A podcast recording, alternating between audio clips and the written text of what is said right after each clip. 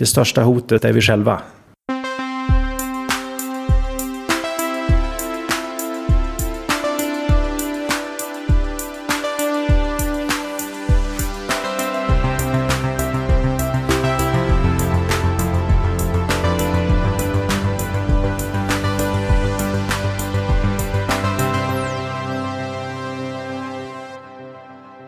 Välkommen till podden Heja Framtiden med mig Christian von Essen.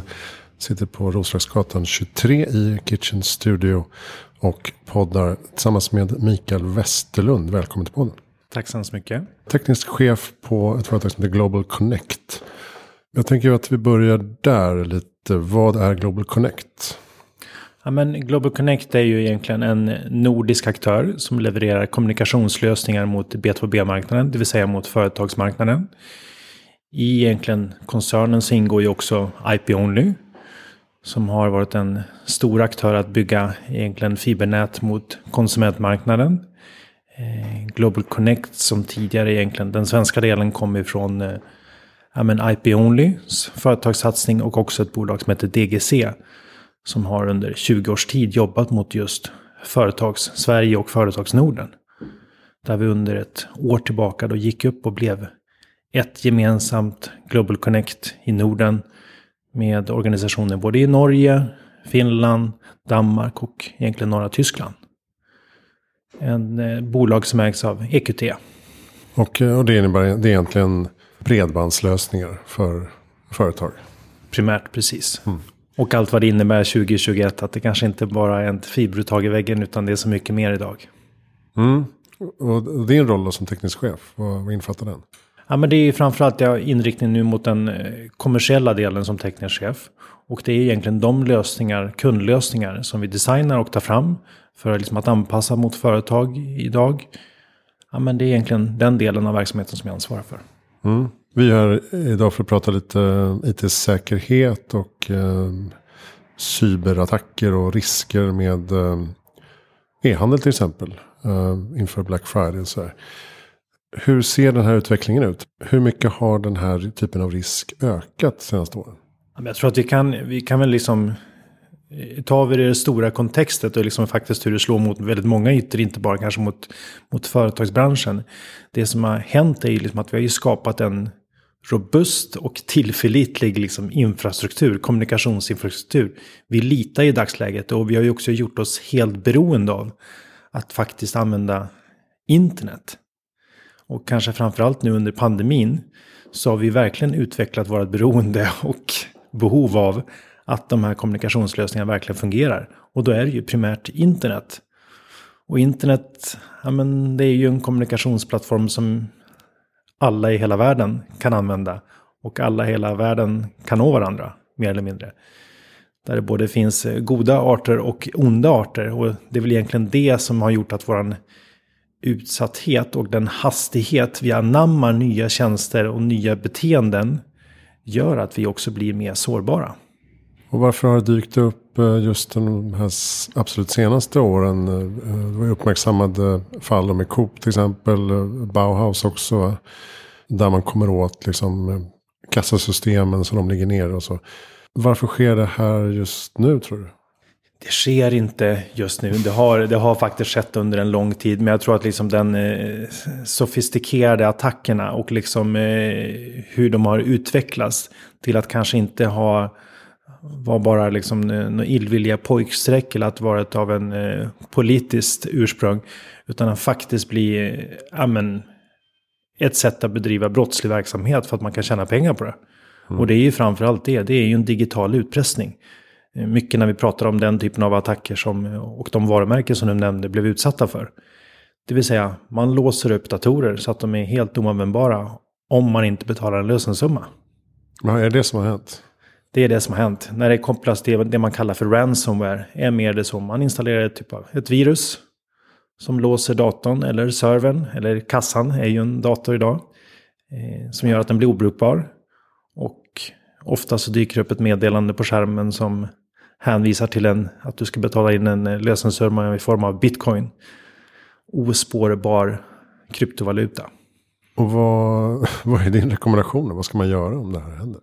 Jag tror att liksom, det är väl beroende på vad man har för, vad det är för risk man utsätter sig för. Men jag tror att liksom en av de första sakerna man måste göra det är liksom att förändra kanske en, en frågeställning. Som att inte ställa sig frågan, ja men jag blir inte utsatt. Eller om jag blir utsatt så får jag väl ta det då. Utan frågan jag ska egentligen ta är ju, när jag blivit utsatt, hur ska jag agera? Om jag kan svara på den frågan, då har jag faktiskt tagit ett proaktivt eh, ja, men inriktning. Och faktiskt tänkt till igenom. Vad kommer jag göra för någonting? Hur kan jag liksom återskapa den här kassan som fem minuter tidigare fungerade alldeles utmärkt innan den blev smittad. Hur kan jag exempelvis då backa den till ett tidigare tillfälle? Det finns massor med olika lösningar på det här som gör att jag faktiskt kan klara den här typen av attacker. Så det är inte så att vi inte kan göra saker utan det finns många sätt att agera. Att sitta i baksätet och tänka att det inte drabbar mig. Fel strategi. Mm. Och idag så drabbar ju det här även privatpersoner som får sådana här meddelanden. Så här, jag vet vad du gjort på nätet, jag kommer sprida det till alla dina kontakter om du inte. Vad är liksom rekommendationen i ett sånt läge? Ska man bara hålla huvudet kallt och kontakta en säkerhetsexpert? Och det kanske liksom inte är så att det är, det är att, att kontakta säkerhetsexperten. Jag tror liksom mer att det handlar om, och det kanske är också en av mina konkreta tips då, inför Black Friday och så vidare. Det är ju, det är faktiskt vi som människor som är kanske det största hotet mot den här typen av attacker. Vi klickar på de här mejlerna som innehåller länkar till ställen där man inte ska vara som laddar ner den här skadliga koden. Det är precis det vi ska lära oss att se. Vilka mejl ska jag inte öppna? Vilka mejl ska jag bara ta bort? Typiskt de här meddelandena som du beskrev. Eh, bortse från dem. Mm. Man ska inte ta dem på större allvar helt enkelt. Nej, eh, och, och, finns det så att man bör ta dem på allvar, då tror jag också att man har, eh, ja men då får man väl anlita en säkerhetsexpert. Eh, om man anser att det är rimligt att det finns ett reellt hot mm. och en risk bakom. Och vad är det mer som hackarna vill få ut då? Alltså utpressningen är en sak, men även data och information och sånt säljs väl vidare på mer ljusskygga platser? Ja, men det är ju precis. Jag menar, jag tror att det är återkommer ju till att det är den här det illegala businessen. Det är ju en kriminalitet. Det är en, den här digitala kriminaliteten. Att antingen liksom en direkt utpressning, digital utpressning. Eller att man faktiskt kommer över data, innehåll som har ett värde på den svarta marknaden. Och, och det kan ju typiskt vara kontouppgifter, användarnamn, lösenord. Och där kommer man väl in på en, en bit också som är väldigt viktig och ett ganska enkelt medel trots alla jobbiga påminnelser om att jag ska byta lösenord och att jag inte ska använda samma lösenord på väldigt många ställen. Eh, följ de rekommendationerna. Eh, ta för vana att liksom faktiskt göra det. Svara inte på undersökningarna på Facebook som ska beskriva vad hette din, eh, din bästa bok, din favoritkatt och ja, din mammas flicknamn och det ena med det andra eller dina personnummer. Det finns en anledning varför de frågorna ställs. Och det är inte för att det är en fin undersökning.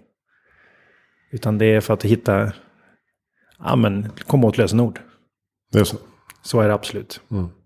Vet du någonting om var de här hackarna befinner sig i världen? Är det helt uh, random eller finns det någon slags kartläggning av det? Jag tror att vi har väl vissa inriktningar. När vi hade Coop-attacken, som vi uttrycker den som kanske i, liksom i svensk dagligt tal.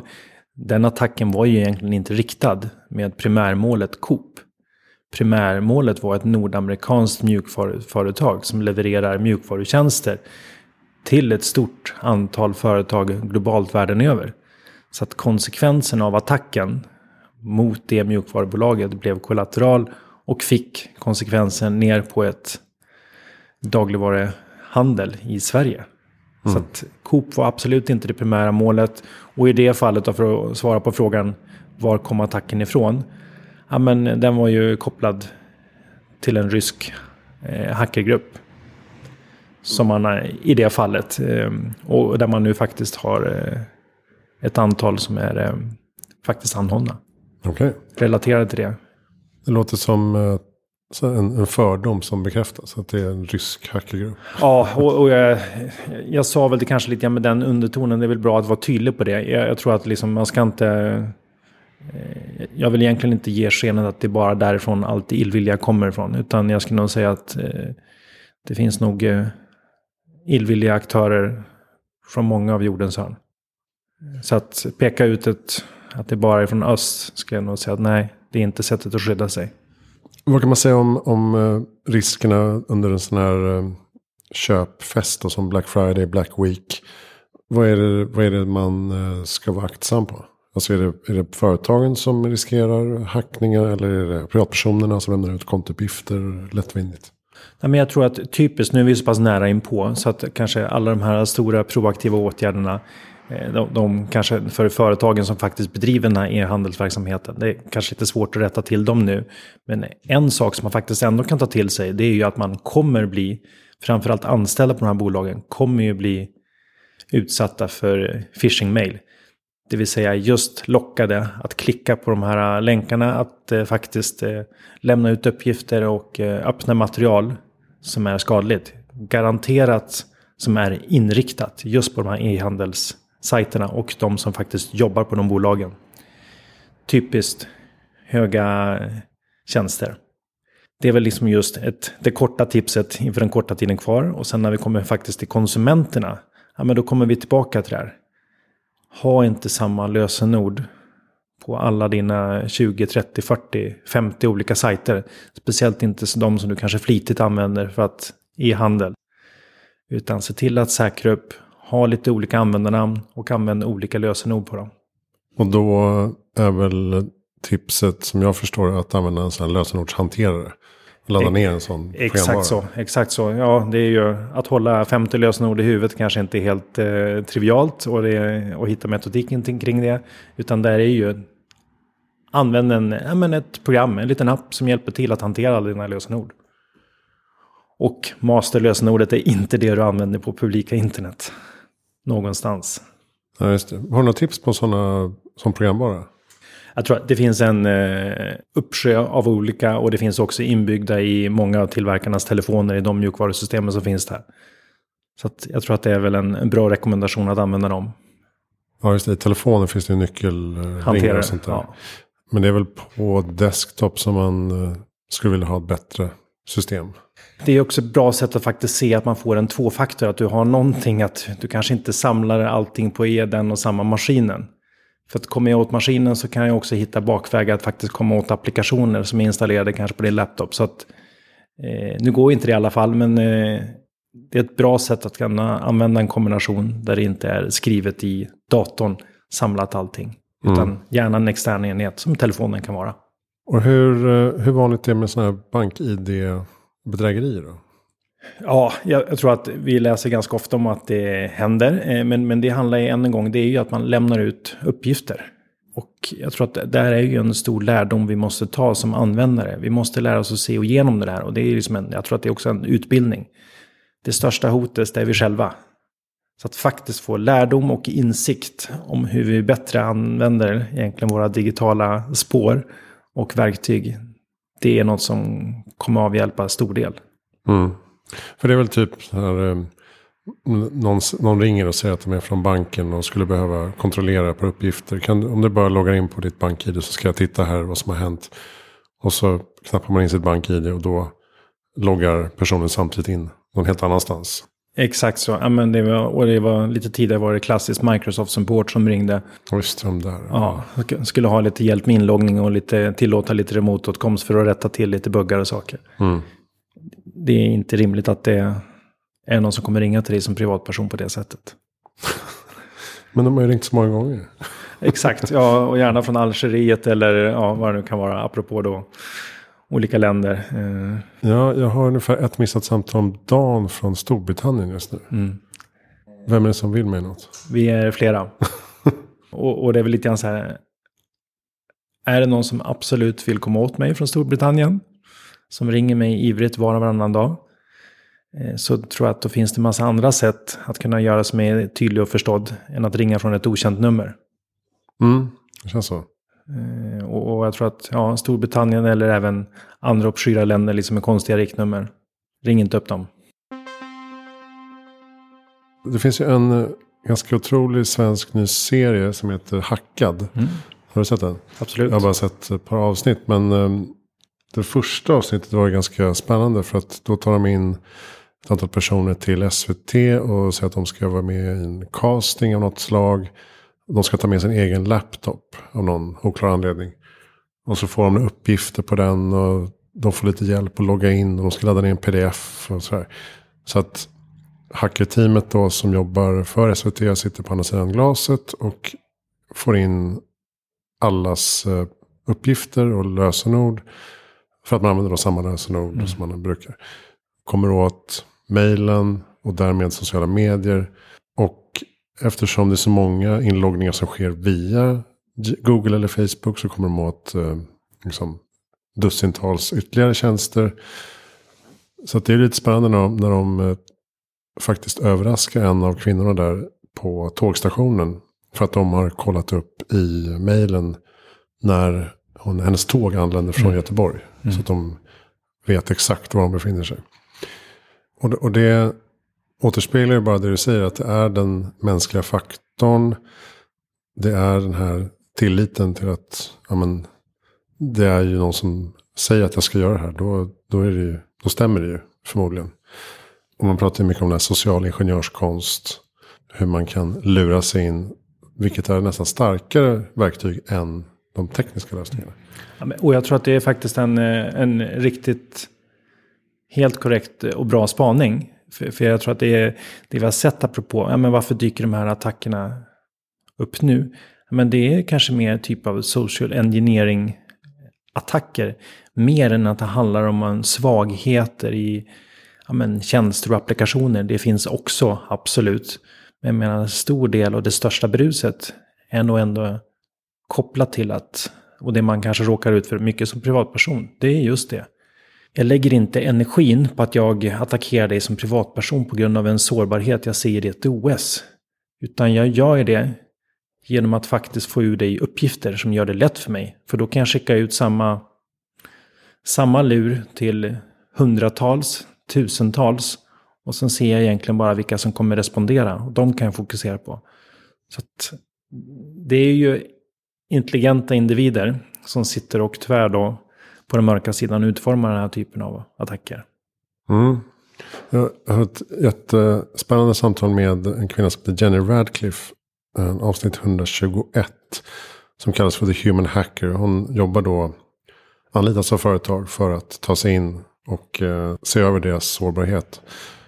Och eh, jag kan visa hur hon ser ut. Så väldigt så här alldaglig eh, brittisk tror jag trebarnsmamma. Liksom. Kommer med glasögon och eh, pärmar i famnen. Tappar ut lite papper vid säkerhetsdörrarna. Och säger oh, jag måste ha mitt jävla kort. Och vad, vad är det här? Igår höll ni på också och tjafsade. Och så till slut så är det någon vakt som säger oh, förlåt, gå in bara. Mm. Och så smyger han upp till vdns kontor, pluggar in en USB-sticka. Och uppdraget är slutfört. Mm. Och, det, och det är ju samma sak som, som SVT-serien också visar. Att det är just den här rädslan för att ifrågasätta mm. andra människor. Som gör att man kommer undan med ganska mycket. Vi är nog kanske lite extra blåögda i den här delen av världen. I ärlighetens namn. Eh, vi litar i stor del. Det bygger liksom vårt grund, tror jag, DNA. Vi litar på varandra. Eh, mycket förtroende. Utger man sig för att vara den. Och man befinner sig i rätt miljö så blir vi lätta mål. Mm. För precis den, vi, vi är en tacksam geografi att rikta den här typen av attacker mot. Vi har en väldigt hög digital mognad. Vi är väldigt sugna på att kasta oss på nya, spännande och innovativa tjänster. Vi bedriver gärna e-shopping. Jag säger inte att man ska sluta. Men eh, vi behöver ifrågasätta. Det jag nu har framför mig på skärmen. Finns det någon annan tanke än det enkla uttrycket som står där? min farfar som jag inte hört av på 120 år som bor i Sydafrika. Är det verkligen så att han finns? Och har lämnat 25 000 euro till mig. Kanske, man vet aldrig. Ja, jag kanske ska öppna den där, eller inte. Nej, och det finns väl en teori om att de där mejlen är också utformade på ett så taffligt sätt. För att de vill komma åt de absolut mest mm. eh, lättlurade människorna. Ju. Och det är ju precis så. Jag skickar ut det där. Jag skickar hundratusentals mejl. Jag får träff på en promille. En promille har jag då ganska hög hitrate på. Mm. Och vad är det de vill då? De vill att man ska lämna ut sin bankinformation så att de kan till slut lyckas logga in och föra över pengar till sig. Exakt så. Mm. Ja, men, ekonomisk brottslighet med eh, den digitala signaturen på. Ja, tråkigt. Att man inte har någon prinsättling jag, i Nigeria. Jag har inte gett upp än. det känns ju alltid lite så trist att man ska behöva rucka på den här, som du säger, svenska tilliten. Mm. Om det är någon person som kommer efter mig till min port med en flyttlåda. Så är det klart jag håller upp dörren. Mm. Och låter personen slinka in. Mm. Jag stänger inte och låser och säger vad vill du? Eh, det är inte så det funkar. Nej, det är precis så. Men, men jag tror att ja, vi behöver nog få en, eh, en stor del eh, utbildning och en stor del respekt för de här nya verktygen. Det är liksom, min rekommendation är inte att vi ska sluta. Men vi ska börja vi ska lägga lite filter framför våra ögon och vi ska agera med större respekt. Och vi ska dra nytta av hjälpmedel som finns. Helt mm. enkelt. Det är väl det liksom. Ja, för man säger väl att det går inte att skydda sig helt. Men om man kan göra lite jobbigare mm. i, varje, i varje steg så vinner man ganska mycket. Alltså, så är det. Tar det lite för lång tid och arbete att ta sig igenom eh, lösenord eller brandvägg eller vad det nu är. Mm. Så eh, kommer man rikta attacken någon annanstans. Ja, och jag tror att liksom, vi ser ju, jag menar det är ju också, nu har jag eh, hållit på med det här i 20 plus eh, inom egentligen samma bransch och inom då men, kommunikation och sett liksom hur olika attackvektorer har kommit upp och mönster har kommit upp under tiderna. Det är ju så att den här kampen, det kommer inte vara så att 2030 så alla system säkra och vi, det här är ett minne blott. Utan det är ju en fortsatt kamp eh, som egentligen är... Ja, vi hittar nya sätt att begränsa attackerna. Vi hittar nya sätt att faktiskt identifiera. Det behöver kanske inte ens vara en människa inom en månad som kan faktiskt se att de här mejlen är ju sannolikt skräp. Kan vi tycka att vi har lite mer att kravställa på.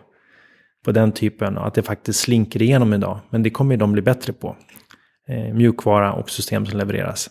Men då kommer ju attacken rida. Det kommer att vara ett annat mönster.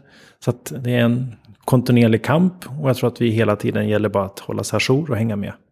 Och sen eh, tänker jag att när eh, allt fler viktiga samhällsfunktioner blir uppkopplade och ihopkopplade mm. så finns det också en stor eh, sårbarhet att komma åt en stads eller kommuns vattenhantering eh, mm. eller gas. Avfall, vad, vad det nu är, livsmedel. Ser man några exempel på sådana typer av risker? jag tror att det knyter faktiskt an lite grann till, jag menar den, vi anammar ny teknik och jag tror liksom, om vi nu tittar på den, den svenska marknaden, vad som har hänt, och nu kanske mer liksom inriktat på företagsmarknaden, vad har hänt under de senaste tio åren? Ja, men vi, har ju liksom, vi har ju gått ifrån att många av de svenska bolagen, alla hade mer eller mindre IT. Men det har varit liksom hemma. Det har, varit, det har stått i liksom den egna, antingen är det serverrummet eller det har stått i en, i, vi har köpt in en tjänst där man har placerat servrarna på någon central collocation-anläggning. Men där vi har kommit nu är att jag lämnar ut det till en molnaktör. Jag har inga servrar längre. Utan jag ser det mer som att jag köper en servertjänst från en molnaktör. Och vad använder jag för transport? I huvuddelen av fallen för att jag har, det har blivit en så pass tillförlitlig infrastruktur. Ja, men i många fall har jag bara internet som transport, för det är ju jättesmidigt. Behöver inte hålla på med några komplexa privata nätverk. Och jag behöver inte ha isolerade nätverk från internet, utan jag använder internet som bärare så kan alla komma åt dem oavsett var de sitter. Hemma, på jobbet, på kontoret, Thailand, Madeira eller vilken del av världen som helst. Bara internet är en gemensam nämnare. Det här gör ju att vi har gjort en stor förflyttning och jag menar att företag utsätts ju på ett annat sätt. Man blir sårbarare. Man har skapat alla tjänster ligger på en central plats. Om inte tjänster fungerar, ja, men då slutar egentligen hela verksamheten att fungera. Det är ju till och med så som vi har kvitton på nu, att ja, men man får ju stänga fysiska dörrar. Fysiska butiker kan inte sälja varor på grund av att it-system inte funkar längre. Det finns ingen kontinuitetsplan kring vad gör vi när it-systemen det är svart på skärmen. Eller att det lyser en kod om att jag ska betala in bitcoinpengar. Då är jag tvungen att stänga butiken.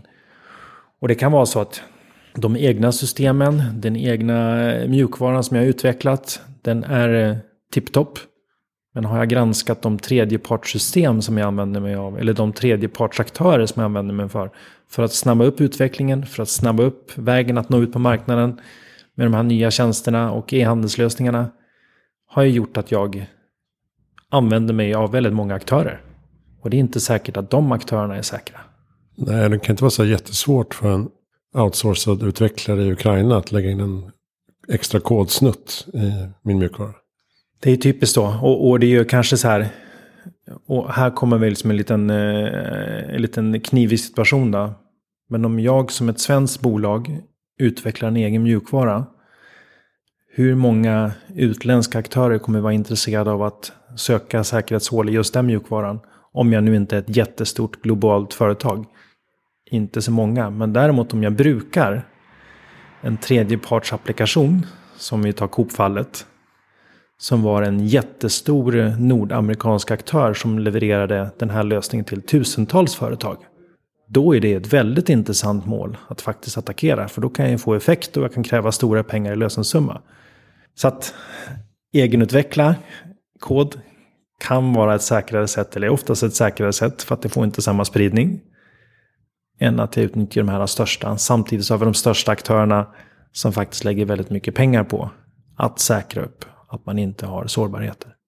Svår väg framåt, men en, en rekommendation är verkligen att jag tror att ifrågasätt och säkra, om inte annat se till att man skapar redundans, att jag har dubbla leverantörer. Om någon av mina tredjepartsaktörer faller bort, eller lever de verkligen upp till de kraven som jag har ställt på min verksamhet, så finns det möjlighet att välja någon annan. Jag brukar fråga, vad är ditt bästa tips för att göra världen bättre i framtiden? Jag tror att jag har väl varit återkommande. Så jag får väl, ta, jag får väl eh, hålla lita linjen. Inte, lita inte på någon. Lita inte på någon och framförallt inte dig själv. Nej, men jag tror att det är vi, den enklaste och största effekten just nu ur den enskilda personens perspektiv. Ifrågasätt. Var mer kritisk och eh, jag tror att också ett eh, tips till företag. Utbilda er personal i eh, hur man identifierar och identifierar den här typen av attacker som är mer social engineering. Attacker som kommer via e-mail eller webbsidor som ska besökas eller Postnord, sms och det ena med det andra. Det blir fler tips. Det är ett av tipsen. Sen den andra ur företagsperspektivet. Det var egentligen min frågeställning. Ställ inte frågan om jag blir drabbad. Ställ frågan vad gör jag när jag blivit drabbad. Det finns en rolig scen i den här SVT-serien Hackad. Där de vill ta sig in i bostadsbolaget Helsingborgs hem. Och eh, inser att de har flyttat till nya toppmoderna lokaler med hög säkerhet. Mm. Hittar då en gammal adress där de har flyttat från. Och där kan de faktiskt ta sig in och placera någon slags eh, sändare i mm. internetuttaget. Jag tror att de börjar med att försöka ta sig in i huvudkontoret genom social ingenjörskonst. Och att författa ett mejl från en chef med hans eh, signatur. Eh, de ändrar liksom någon bokstav i mejlet bara. Så här, i mejladressen. Och skickar det till receptionisten. Och mm. säger att ja, min, min gäst är på ingång, släpp in honom. Mm. Och sen kommer gästen och säger, ja just det, jag har fått mejl från Mikael här. Mm. Och uh, hon uh, gör faktiskt inte det. Mm. Hon går och pratar med kollega. Hon ringer till chefen. Nej, det är ingen på väg. Nej. Och sen ber att uh, ja, men han kommer ner om en stund. Du får uh, vänta här. Mm. Och då försvinner han förstås mm. från platsen. Men det är ju ett föredöme. Ja, lite så. Det är, ja. det är ju hennes jobb så att säga. Ja. Men, men det är det är många som sitter på de positionerna som verkligen skulle göra så. Mm. Alltså att man vill vara gäster och kunder till lags. Och eh, kommer någon med en portfölj och är lite stressad och det finns ett mejl från chefen. Så är det mm. självklart att man släpper igenom. Ja, men det, jag tror att det finns en mängd företag, säkerhetsföretag och liksom utbildningar som är i väldigt enkelt format. Som är, jag tror att, väldigt enkelt för ja, men företag att faktiskt plocka in. Speciellt när man kanske har den typen av riskutsatt verksamhet. Enkla utbildningar att erbjuda personalen. Mm. Det borde ligga på egentligen samtliga bolags eh, agenda som har någon form av eh, kritisk del av verksamheten som sysslar med IT. Jag tror att det är svårt att eh, svenska företag inte känner sig träffade. Nej, precis. Och resultatet i det där avsnittet blev ju att de faktiskt kunde presentera för chefen att de hade lyckats gå in och ändra sin position i bostadskön. Mm. det var rätt snyggt. Um, har du några bra lästips eller poddtips på ämnet? Jag tror egentligen en, en enkel googling, eh, men apropå liksom, lite så till den enskilda personen. Lösenordshanterare, mm. telefon. Eh, om man nu har iPhone eller vad det nu kan vara för någonting. Så kommer det dyka upp eh, massor. Eh, det är i alla fall så jag brukar vara. Och eh, om jag nu är, tycker om poddformat eller om jag nu är, tycker om att googla vad jag läser. Det finns en uppsjö. Så att lägg till vad du egentligen vill ha. Det är min starka rekommendation. Mm. Vem tycker att jag ska intervjua? Jag tycker eh, absolut att du ska intervjua ett spännande bolag som är i en transformation. Från att kanske haft en mer traditionell klassisk eh, från hyllan i butiken verksamhet till att transformeras till att bli ett digitalt bolag. Inom retail, egentligen handeln. Den, eh, den tycker jag hade varit jätteintressant. Att höra hur man faktiskt... Hur resonerar man kring det här? Och har man tagit, kan man svara på frågan? Om jag blir utsatt, egentligen hur kommer jag agera då? Bra. Uh, tack snälla Mikael Westlund för att du kom till Heja Framtiden. Tack för möjligheten att få vara med. Och globalconnect.se, där kan man läsa mer om de här bredbandslösningarna och uh, olika typer av tjänster som ni tillhandahåller. Och som sagt, var på er vakt nu och framöver. Framförallt när det är stora köphelger. Där man är lite snabb med kortuppgifterna. Byt lösenord. Byt lösenord. Och svara inte på dumma undersökningar på Facebook. Bra tips. Um, Hejaframtiden.se, där hittar du all information om podden. Och uh, om du vill stötta så köp gärna boken som heter Nu fattar jag. Eh, som handlar om mycket av den digitala framtiden och samtiden. Jag skrev tillsammans med Henrik Smolak från Under 15-podden. Jag heter Christian von Essen. Tack för att du lyssnade.